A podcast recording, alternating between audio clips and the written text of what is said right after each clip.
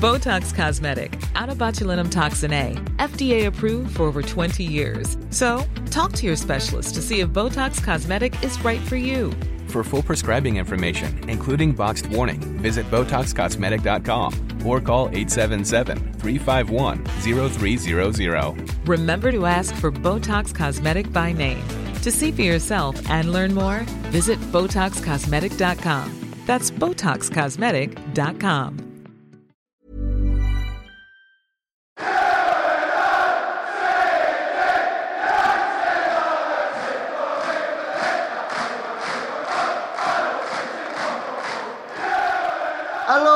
fans MU yang hatinya sedang gundah gulana setelah melihat aduh gue nyebutnya apa ya final kepagian tapi kok rasanya kok ada mungkin aja lebih bagus dibanding MU sama Milan tapi kok rasanya terlalu dini juga mengatakan oleh butuh trofi tapi kayak nggak dapat itu kan Iya. Yeah. gue gue semalam juga lawan Sociedad gue nggak nonton. Gue cuma nungguin Arsenal kalah sebenarnya cuma tapi nggak nggak jadi kalah kan ternyata. nggak jadi kalah 3-2 soalnya Ah, nyaris itu. Kalau golnya siapa yang nggak natap tiang itu? Iya gue nggak tahu siapa. Menit-menit akhir itu. Hmm. Benfica. gue kemarin juga sama gue ketiduran juga gue nggak nonton padahal gue baru subscribe uh, extendednya di video.com kemarin kan cuman gue Oh. nonton Arsenalnya bosenin akhirnya gue entah sama kok kayak ketiduran aja gitu terus pagi-pagi lihat oh kosong kosong ya gue juga nggak expect ini bakal kalah sih atau mungkin Hmm, dramatis kalah lima kosong juga nggak mungkin jadi kayak ayo udahlah iya iya. Kalah pun pasti lolos lolos juga kayak gitu Yuk yuk betul. nah Mending tidur deh. Raf, apa Nggak apa-apa, nggak apa. Mending tidur bener. Nah, gue pengen bahas satu momen yang menurut gue cukup lucu di mana kungfunya Lindelof itu mengingatkan gue pada Kiki Cantona terlepas ini beda konteks ya. Nah, itu menurut gue apa itu itu agak 50-50 sih kayak kayak Iya. golnya diciptakan oleh Tuan Zibi gitu kan. Tapi pelanggaran dibuat oleh Lindelof gitu. Nah, lu pribadi sound dulu deh. Lu ngelihat itu sebuah harusnya golnya disallowed atau emang golnya harus ya itu simple nggak ada hubungannya kayak gitu. Em, pertama waktu pertama gue kaget sih. Ketika gue kan nonton kemarin sih. Full full match. Main full match bro. Gila Full lo. match. Nyesel Full nggak? Nyesel nggak? Gue tanya dulu. Nyesel Nyesel nggak? banget. Nyesel banget. Nyesel. Salah satu keputusan terburuk dalam hidup gue. Bosen banget anjir. Bosen banget. Gue pertama waktu waktu golnya Axel Tuan Zibi itu wah gue seneng banget. Itu kan gol pertama dia ke untuk MU kan. Ya. Terus habis itu kenapa dia cek VAR gitu. Ternyata itu tadi si Lindelof itu ini aneh banget sih. Nggak, Lindelof tuh hampir nggak pernah seperti itu bro. Nggak pernah lompat setinggi itu. Itu hampir sama Cristiano Ronaldo anjir. Tinggi banget kan lompatannya. Iya Jadi iya. ya wah ini ini gue ketika di replay ini pasti nggak nggak akan nggak akan mungkin apa di allowin gitu si golnya gitu. Karena itu bahaya banget bahaya banget sampai itu benar-benar full Jackie Chan si Lindelof itu. Bahkan coach Justin bilang gini kan di tweetnya kayak apa Lindelof hampir ngebunuh orang cuma dapat kartu kuning gitu. Dan gue sama setuju anjir. Iya gue juga ngakak banget itu bacanya. gue sama setuju tuh ini untuk untuk untuk beberapa kali gue akhirnya setuju dengan coach Justin tuh itu itu kocak banget sih. Karena lo bayangin lo lo berdiri nih lo berdiri lo lagi nengok gitu kayak ada apa lutut orang gede banget nabrak muka lu gitu kan kayak Iya iya. jadi ya udahlah bad luck aja sih menurut gue Sebenarnya banyak yang kontra juga dengan itu maksudnya dalam arti nyalahin si backnya kenapa lu jadi back stand still gitu loh. Lu lagi posisi defend tapi malah lu melongo gitu kan. Terus tiba-tiba pas Lindelofnya nyamperin lu kaget terus pelanggaran tuh salah yang apa yang lagi attack gitu. Tapi menurut gue juga gue setuju juga Mas Aung bahwa itu 50-50 dan eh, membahayakan. Karena kakinya kalau Iya, lu- betul. ya kan kalau lu lihat misalnya Ronaldo loncat setinggi itu kakinya tuh lurus. Tapi kalau Lindelof itu kakinya tuh bener-bener kayak maju gitu loh. Itu bedanya di kakinya itu meskipun tingginya sama itu aja sebenarnya. Posisi kakinya beda sama posisi kaki kalau Ronaldo lompat itu aja sebenarnya. Betul Iya, betul. iya. iya. Itu kemarin Tapi emang- lutut ketemu muka aja betul Iya, benar. sih. Mm-mm. Itu kalau misalkan kena leher ya, itu udah kena saraf cuy. bisa. Kalau kemarin bener-bener pas ini ya, itu bisa gue sih ngerasa kayak itu lebih kepada ini sih kayak gol itu disallowed lebih kepada kayak kemanusiaan aja sebenarnya sih menurut gue Nah, pribadi sih. benar benar iya iya. Iya iya iya. Betul betul betul. Mirip kayak ini kasusnya Kayak- sebenarnya. mirip kayak tackle dua kaki. Tackle dua kakinya kompani ke Nani pas uh, FA Cup 2012 kalau nggak salah. Itu kan sebenarnya kakinya Nani nggak kena kan? Kayak Naninya bisa lompat, bisa menghindar dari tackle-nya si Kompani. Tapi ya tetap kartu merah karena itu membahayakan. Segitu aja sih sebenarnya, sesimpel itu. Bukan karena kena atau enggaknya, tapi benar tadi kemanusiaan dan juga biar orang tuh bukan orang ya maksudnya pemain tuh jerak gitu bahwa lu nggak bisa membuat tackle yang berbahaya meskipun lu yakin itu nggak akan kena. Attempts-nya itu sih yang di yang dihukum. Hmm. Tapi kan kalau yang kapan itu kan emang dia sengaja kan. Maksudnya dia emang ngelakuin itu. Nah menurut gue semalam tuh ya ini dulu simple dia nggak ya emang mungkin refleks aja ya kak kakinya mungkin segala macam. Mungkin dia juga bukan Ronaldo yang kemudian bisa mengatur langkah kakinya harus lurus tegak jadi menurut gue sih kemarin lebih kepada ya ini aja sih berapa nggak sengaja tapi iya, mungkin yeah, yeah. dampak yang ditimbulkan mungkin terlalu damaging aja jadi simple ya di slot fine lah kayak gitu. Yeah. juga Emi juga lagi nggak ngincer gol-gol banget kan jadi ya udahlah gitu nggak hmm. nggak rugi-rugi banget paling nggak fans Emi di Twitter nggak terlalu mencak-mencak juga jadi gue gue yang rugi okay banget sih bro gitu. nah, apa gue nungguin hampir tuh menit ke berapa ya 60 kalau salah. Iya 60 mm -hmm. asli nggak ada gol-gol di lo satu aja kayak, kayak kasih lah gue di begadang anjir. Habis dikasih gol ternyata di diselaut nah tapi gue nanya deh kemarin uh, menurut gue sih kemarin Oleh cukup gue nonton mini match jadi 20 menit 25 menit gue nonton. Gue cukup penasaran kenapa Oleh harus memasukkan Rashford menurut gue kayak menurut gue bukan hal yang urgent banget keberadaan dia gitu. Gue lebih cenderung buat dia nunggu buat sampai pertandingan Chelsea. Malah kemarin akhirnya dimasukin di menit babak kedua gitu kan. Gue nggak tahu kalian nangkap menurut gue tuh salah satu bentuk cerobohan sih karena itu bisa membahayakan dia juga karena rentangnya kan cukup dekat kan antara match kemarin dan juga Chelsea hari Minggu. Menurut gue ini 50-50 lagi sih. Jadi kalau misalnya kita ingat Europa League di musim lalu, itu kan jarak dengan berakhirnya liga kalau nggak salah ada rentang waktu sekitar 1 sampai satu setengah minggu. Dan itu pemain itu pas di pertandingan Europa League lawan apa ya? Gue lupa ya. Pokoknya yang leg keduanya deh kalau nggak salah lawan LASK kalau nggak salah. Di match itu karena MU udah menang 4-0 terus di match itu MU nurunin tim lapis duanya. Nah, nggak lama abis itu di pertandingan semifinalnya yang satu leg gue lupa lawan Copenhagen kalau nggak salah itu MU mainnya jelek banget. Cuma gol 1-0 lewat penalti kalau nggak salah. Itu kelihatan bahwa pemain MU itu karatan. Karatan tuh dalam arti nggak panas gitu loh. Jadi di sini kelihatannya oleh tuh pingin Rashford dimainin Bruno dimainin. Ini nggak cuma masalah resting players aja tapi biar mereka tuh ada pemanasan sebelum lawan Chelsea at least 45 menit gitu karena match ini kan juga no pressure dan juga kayak nggak lagi mengincar gol. Gue nggak tahu sih, gue nggak nonton tapi mungkin Saung bisa kasih insight gitu. Semalam Rashford babak kedua mainnya gimana kayak main yang wah lari-lari terlalu ngejar bola atau ya udah santai kayak effortless aja gitu. Dan Bruno pun juga main 45 menit gitu. Jadi literally benar-benar cuma buat pemanasan aja match ini gitu. Bukan totally rest menurut gue kayak gitu. Dan gue sih sebenarnya nggak terlalu against dengan itu. Soalnya pemain MU juga banyak yang cedera. Iya setuju juga. Gue waktu nonton kemarin kapten babak pertama kan si Bruno Fernandes ya. Iya. Terus habis itu Bruno Fernandes ditarik keluar di babak kedua, habis itu digantiin Rashford. Gue sih mikirnya adalah betul sama apa yang dibilang Alvin, ini untuk cari minutes sih, minutes bermainnya aja sebelum melawan Chelsea gitu. Iya. Pertama itu, kedua bener dia juga tidak ada urgensi sama sekali untuk memainin Rashford kemarin karena somehow attackingnya pun uh, apa ya nggak ada nggak jalan gitu. Dalam arti kemarin tuh bukan bukan bukan typical match yang Rashford banget gitu pertama sayap kiri kemarin ada Teles gitu yang kita tahu dia belum punya koneksi yang baik gitu. Bruno Fernandes juga nggak ada. Jadi menurut gue sih kemarin kenapa oleh masukin Rashford ada sentimen ini aja sih. Ada sentimen Rashford lima tahun berkarir di Manchester United di hari yang sama dan debutnya kan waktu Europa League juga. Jadi menurut gue sih di situ. Hmm, iya. Oh, iya. sih bisa. Atau emang buat ngelit si anak-anak muda itu kan dialog sama si Tortair juga masuk kan. Tolas juga main ya. Wala ya walaupun walaupun ya, kemarin pun juga mereka nggak nggak punya nggak punya ini apa namanya nggak cukup dapat bola gitu loh untuk untuk, ya. untuk menunjukkan skill mereka sih. Hmm. Gue sih kemarin ngeliatnya memang MU cukup banyak pegang bola gitu. Tapi dalam arti dalam menurut gue dalam penguasaan bola kemarin justru Real Sociedad yang punya chance untuk ngegolin gitu sebenarnya daripada Manchester United.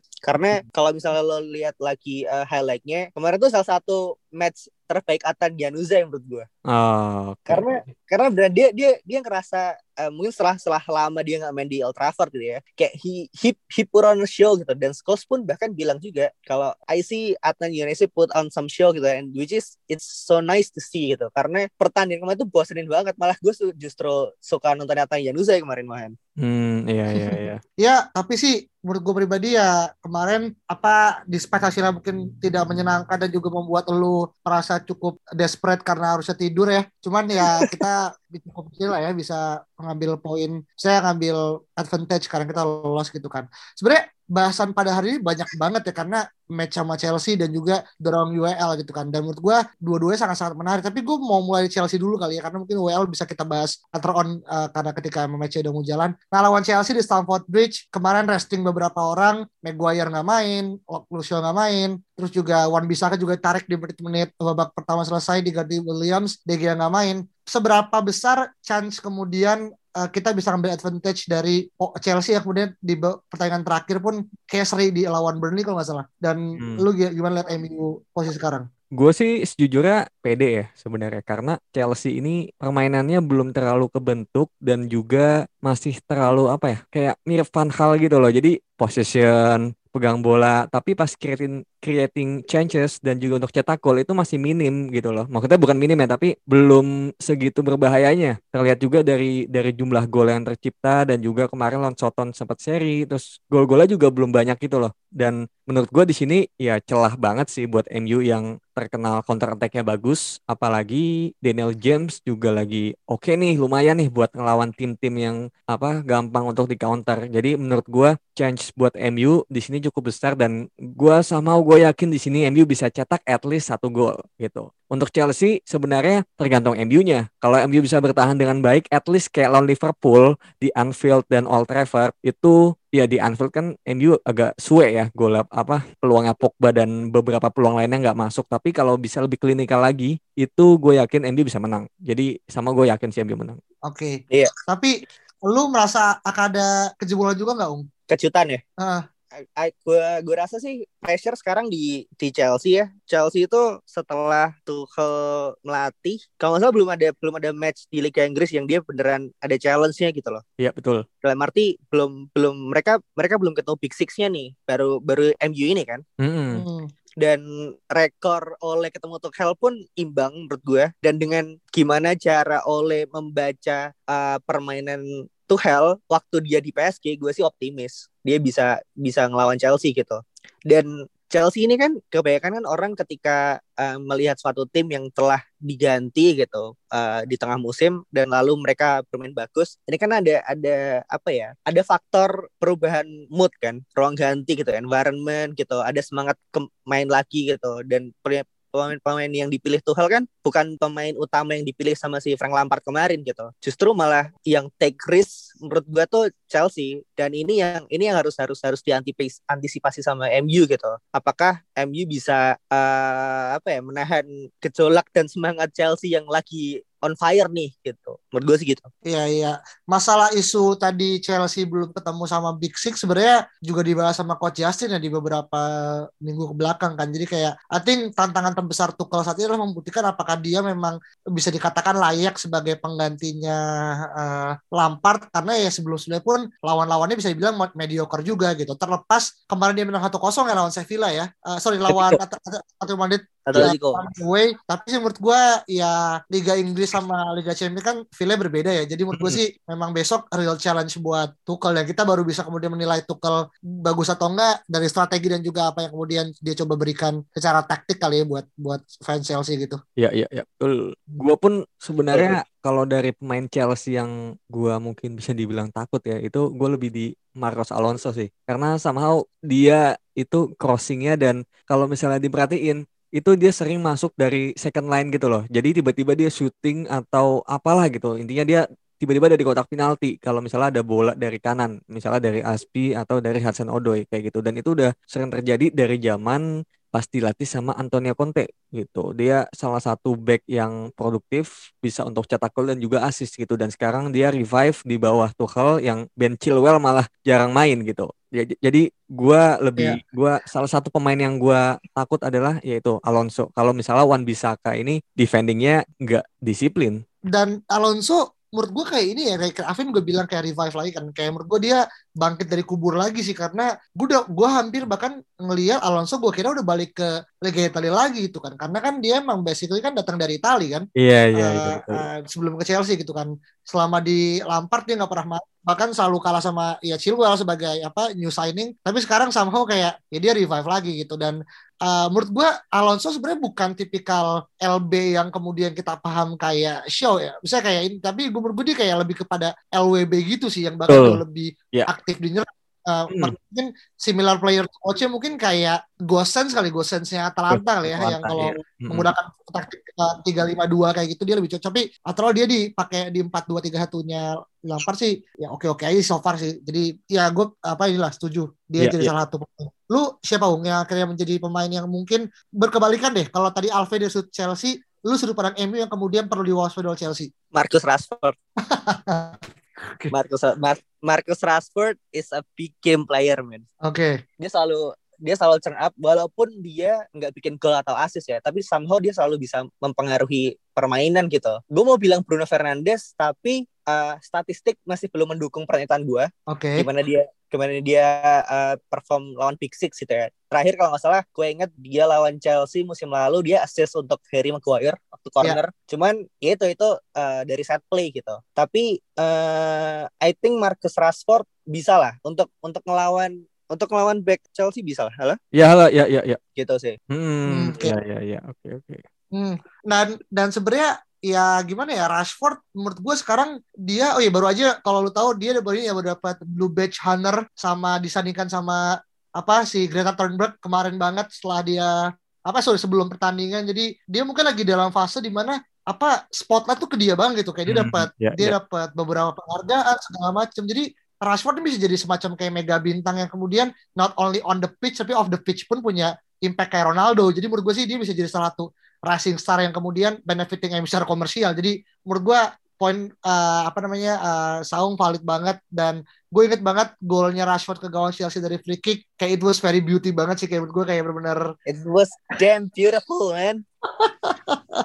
dan itu pasti selalu diulang ketika top banget. 10 goals. Iya iya iya kayak gitu. Benar-benar Eh, nah Kalau lu, lu, masalah lu siapa? Yes, pemain. Mungkin combine aja kali. gua sih kalau dua belah pihak gua masih merasa bahwasannya gua malah bukan ini ya gua malah merasa siapa pemain yang mungkin gua harap dia bisa tampil bagus ya bukan karena Oh, formnya. kalau Alonso kan emang sekarang lagi ini. Uh, tapi gue lebih pengen ngelihat Ziyech tuh kemudian sorry bukan Ziyech. Uh, Havertz kemudian bisa menunjukkan ininya sih. Karena menurut gua itu pemain yang cukup apa ya kayak sekarang talented was wasted aja gitu sekarang. Hmm, hmm. entah mungkin karena fit apa or apa formasi yang nggak cocok segala macam tapi gue berharap uh, Havertz dengan di pertandingan yang uh, big gue nggak tahu gue yakin juga dia bakal main biasa tapi kalau misalkan main gue sih merasa dia bisa jadi ketika gue tahun 2013 gue selalu takut ketemu Chelsea karena ada juara mata Hmm, ya ya ya ya betul betul. itu kayak gitu sih yang makanya pas juara mata ke, Chel- ke MU gue seneng banget karena least ketika gue lawan kita ketemu Chelsea gak ada dia lah pas main kayak gitu Hmm. Karena sangat ini banget sih kayak Betul. anjing dia sama Hazard apa kombinasinya keren banget sih dulu dulu ya pas Iya iya. masih ada speednya Pas KMU langsung beda. Wah, gokil emang. Juan Mata tuh ini bro, satu-satunya pemain yang datang untuk apa tanda tangan kontrak naik helikopter. Man. Iya iya. Iya, benar, benar, benar. Benar, gue ingat banget tuh. Gila, that man was class man. Iya, iya. Dan dia di dia beli dari ini kan dari pas uh, si siapa si Moyes kan? Moyes, Moyes di Januari, Moyes. di Januari. Hmm. Januari benar benar uh, second Iya. signing setelah Vela ini yang kita frustasi nunggu-nunggunya di menit akhir cuma Vela ini doang anjing emang Iya iya benar-benar. Cuma Ah, iya, sayangnya ya? sayangnya Juan Mata Di- waktu itu emang dari posisi kan agak sulit ya mainnya karena masih Ya. ada Wayne Rooney, depan masih ada Robin van Persie, akhirnya dia main dari kanan. Yang dari kanan. iya Oh, sih Ya. Benar, Yang istrinya bahkan belum di soft sampai sekarang bro. Bener ya kan? Itu 6 tahun, Bro. Enam tahun ya. Iya. Itu pun kita sebelumnya masih lah masih pakai Valencia bro di situ. Iya, mm-mm, sebelum mundur jadi Iya. ke kanan kan. ke kanan. Iya iya iya. Gue inget banget karena saat itu kita masih semester 1 Eh sorry gue sama Sa- Alvin ya. Iya, iya. semester 1 Dan itu kayak bener-bener Dia dia masih SMA dia. Gue baru gue baru naik kelas 3 itu ya. Iya, kelas 3. Iya iya iya. 3 bener-bener. SMP. Kita udah nobar-nobar udah udah ngamuk-ngamuk ya ya. Nonton MU nih kenapa jadi begini? Iya, iya. dan kayak ternyata ya kita udah ini juga udah tua juga yang lihat Iya. tahun. Gua berarti dia datang ke MU dalam umur yang cukup masih muda ya 20 berapa datang berarti? 14 tuh 2000 eh umur 26 ya? Cuma emang pelatihnya aja waktu itu kan. Ini Betul, siapa? betul. Afram Gram ya, Afram Gram. Enggak enggak, maksudnya pelatih di MU-nya, di MU-nya. Oh. Oh iya iya. Emang emang sulit sih. Emang Sulit, sulit. Nah, gue ini deh eh, kemarin tadi kalau tadi gue sebelum ini kan Oleh kan sempat buat press conference kan yang mana yang cukup membuat gue ragu adalah terkait dengan midfield gitu kan. Gue nggak tahu perkembangan terkini Tomine gimana, cuman katanya ada dua midfielder yang kemudian tidak tersedia ya. Gue nggak tahu itu eh, karena gue cuma lihat di highlight doang. Nah, eh, menurut lu apakah Oleh akan kembali memainkan Matic sama Fred atau mungkin apa yang kemudian akan mix di tengah eh, karena oh Matic sama Fred udah berarti dari mulai match Sociedad udah empat kali main nih sorry eh, Ya. tiga kali main gitu kan nah lu ngelihat kombinasi mereka dengan asumsi Pogba sama Tomine yang masih belum main gimana akhirnya itu mereka bisa fit dengan match lawan Chelsea Kemarin itu Matic itu salah satu pemain yang mainnya paling oke loh menurut gue semalam ya. ah. Kan dia benar-benar dia benar-benar bisa eh, bisa ngebawa bola maju sampai depan gitu. Dan gak tahu ya mungkin kemarin karena dia lebih lebih main di attacking role gitu kali. Tapi apakah dia akan main lawan Chelsea? Gue nggak tahu juga karena dia 90 menit kemarin bro. Hmm. Hmm, Tapi kan effort nggak salah ya. Ya kan. Maksudnya kayak ya maksudnya kayak gua gua gua membayangkan sih kayak Hmm. pertandingan nanti tuh MU bakal full tim gitu, full tim yang kayak tetap Matic dan juga Fred karena match kemarin lawan Sociedad tuh gue membayangkannya match yang kayak udah ya udahlah gitu kan, Hmm, nggak ada hmm. pressure, nggak terlalu banyak lari, terus ya udah Matic aja bisa ke depan gitu karena di belakangnya udah ada Fred dan juga Tuan ZB juga main juga kan pada akhirnya babak kedua gitu iya sih. betul Hmm. Gue sih no worry sih, Iya. oh, Matic tetap tetap main sih. Iya. iya Padahal betul. kemarin gue berharap Ethan Gilbert main ya, maksudnya dia kan diangkat juga sebagai Iya. apa U23 yang baru masuk ke senior gitu. Cuman ya gue nggak tahu apa kemarin kebijakannya. Padahal sebenarnya posisinya kalau misalkan kita ngomongin Matic as in DMF, sebenarnya Gilbert pun juga DMF gitu kan, karena dia player yang kemudian apa sitting apa di depan defender tapi di, di belakang dari uh, box to box gitu kan. Jadi nah, cuman kemarin gue rasa ah, ya mungkin waktunya belum ada atau segala macam. Cuman ah, ya semoga apa yang tadi Song bilang, Oscar Alvin bilang terkait dengan ya Matic kemarin hanya jogging doang tapi nggak put effort banyak karena dia akan main sih. Semoga bener ya. Terutama Hmm. ya Pogba katanya sih ada ta- apa injury tambahan yang didapetin. Gue nggak tahu dia injurinya kayak waktu itu jangan-jangan kayak injuri-injuri tiba-tiba ke Dubai gitu kan. Tiba-tiba Alasannya tiba-tiba nanti kan- kontrak sama Madrid kan tai ya. alasannya tuh ini kan treatment di Dubai itu lebih jago gitu kan Iya, iya, benar, benar, benar, benar. Kali ini Iya, enggak benar. sih. Harusnya kali ini enggak sih karena udah bukan mau lagi. itu dia bro Apa nih itu dia nih? Gak apa bro Gak apa bro Itu, kayak bahas di ini deh, di match apa di ini berikutnya aja tuh biar lebih Ya seru. ya ya, betul Iya. bahasan berikutnya. Kalau kalau Oh by the way sorry. kata Mourinho tuh agak gemes gue sekarang Waduh. Eh Dia berjasa loh dua trofi bro, tiga malah. betul Iya tiga Betul, dia tiga. Iya betul. Dijawabnya nanti aja ya di pembahasan Pokoknya nanti selanjutnya. aja betul Ya. Oh iya, sorry. Ini tadi ada yang kelewat. Eh, Sebenarnya kemarin eh, pas match semalam ternyata uh, Shola Tere itu eh, menjadi kayak youngest apa, M, apa MU player yang punya main di kompetisi UEFA konven- eh, di, di competition di umur 17 tahun 23 hari. Eh, itu di atasnya Marcus Rashford sama siapa ya kemarin gue baca ya ya pokoknya inilah apa apa eh, rekor new record buat buat dia juga gitu main di eh, sebagai pemain termuda kayak gitu. Iya iya betul. Iya dan eh, ngomongin tentang pemain muda yang baru debut gitu ya gue gue inget banget waktu itu gue lagi flashback beberapa tahun yang lalu gue lagi scroll Twitter lalu eh, waktu itu pertandingan MU lawan Midtjylland terus beberapa menit sebelum eh, kick off Martial cedera ya kan? Hmm. terus eh Van Hal kayak ya udahlah masukin aja ini anak satu gitu. Kayak we never know who this kid before gitu right? Kayak siapa nih Marcus Rashford gitu kan? Lalu dia nyetak gol dari shot pertamanya. Dua lagi. Jadi eh Hmm. gue sih sejak saat itu ekspektasi gue terhadap pemain muda MU itu tinggi men dan kemarin gue sih Oke. berharap berharap apa ya berharap eh, Rashford ini gue yakin dia jadi inspirasi banget di Carrington gitu. Dan semua orang pemain-pemain muda tuh pasti look up to Rashford gitu. Jadi eh, I I really wish Sola itu bisa beneran apa ya ngikutin jejaknya Marcus Rashford gitu karena Hmm, hmm. eh Rashford itu apa ya jago banget bro sejak sejak sejak itu ya sejak eh, dia debut gitu dan seperti yang lo bilang tadi dia dia beneran bisa jadi inspirasi on and off the pitch gitu dan itu itu hal yang cukup baik gitu di tim yang kita miliki sekarang gitu sih Hmm. Ya, Apalagi kemarin yang kalau lu lihat pas golnya dia lawan Newcastle yang dia nusuk dari kiri, lu lihat gak tiga pemain muda MU Amat, Shoter sama Beno. Iya. Liatin dia cuy. Gila. Gitu. Ini Se- sih. Wah, kayak berasa main futsal liatin cewek lu liatin cewek lu.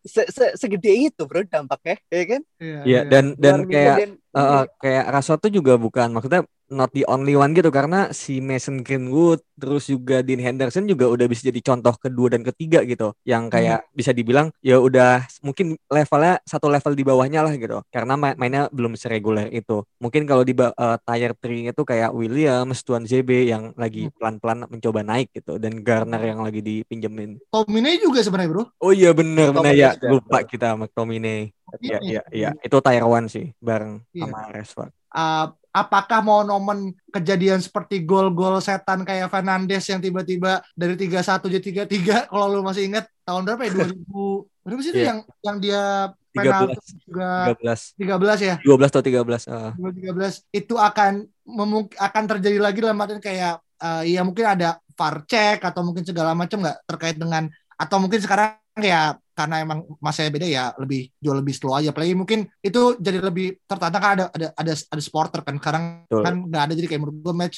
berapa seru pun kayak ya udah ya Hmm. jadi match biasa aja gitu Ya, kayaknya nggak ada sih. Kayaknya agak sedikit menurut gua agak one way traffic sedikit gitu. Gua gua sama berpikir Chelsea bakal menguasai match sampai 60%, bakal tancap gas dari awal. MU bakal sit down apa sit down dulu terus nanti lihat celah gitu dan gua sama gue yakin Dan James bakal main dari awal lagi gitu. Dan makanya dari hal-hal yang kayak gitu kayaknya unsur kejutannya nggak nggak akan segitunya ada gitu karena bukan lagi match yang seru kejar-kejaran kayak masa Ferguson gitu sih. Ya menurut gua. oke oke Ya. oke lu gimana Ung gue yakin Chelsea itu bukan tipe yang sit back gitu. Dia pasti akan akan berusaha menguasai bola sebanyak mungkin dan itu adalah uh, kesempatan MU untuk untuk cari celah gitu untuk untuk masuk ke pertahanan mereka gitu melalui fast break atau counter gitu kan. Dan dengan performa Dan James sekarang, betul gue rasa dia akan main. Kemarin pun semalam dia hampir nyetak gol, Bro. Empat match berturut dia akan nyetak gol kalau kemarin masuk Iya. gitu sundulannya. Dan itu